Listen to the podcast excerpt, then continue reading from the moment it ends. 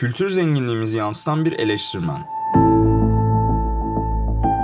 Doğan Hızlan Bizde tartışma geleneğinin olmayışı, diyalog yerine monoloğun yerlenişi, gençliğin tepkisinin büyük boyutlara ulaşmasının nedenidir. Tartışma geleneğinin gelişmesi için neler gereklidir? Şimdi efendim tartışma geleneğinde şu var. Siz de haklısınız.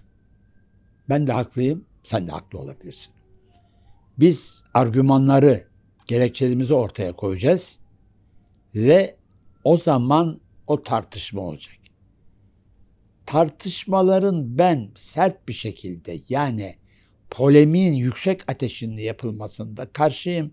Çünkü o tür tartışmalardan bir şey kalmamıştır. O tartışmalar var edebiyat tarihinde. Kavgalara dönüşen var. Ama bunlardan bize kalan bir şey yok. Ne var? Biz birisinin o konuda düşündüğünü görüyoruz. Diğerinin ne konuda düşündüğünü görüyoruz. Ama bunun dışında gerçek ne ortada. Raşamon diye bir oyun vardır. Bir bölümü anlatırlar. Bilirsiniz meşhurdur.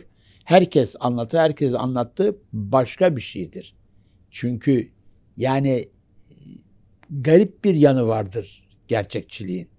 O bakımdan da tartışmada tabii her insanın dünya görüşü buraya yansır. O bağlamda tartışır ama hiç de düşünmek lazım ki sadece dünya görüşü gerçekleri ifade etmiyor. Bir de sadece dünya görüşü bir eserin iyi olması için de yeterli değil.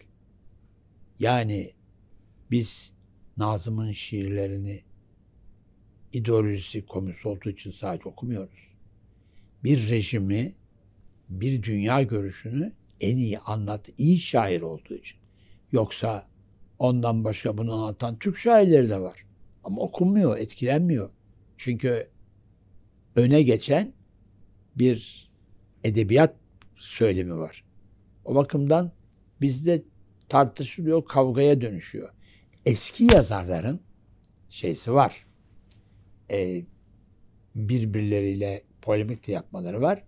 Fakat o kadar üslupçular ki yani şimdi ya falan gibi böyle bir şey sen bilmezsin zaten filan dedi.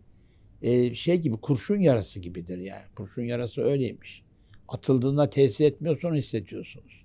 Refik Halit Karayınlar öyledir. Nazım'ın öyledir. Tartışmaları. Cemal Süreya böyle tartışmalar yaptı. Bir şey söylüyorsunuz. Bir yazı yazdı A dergisinde Cemal Süreya.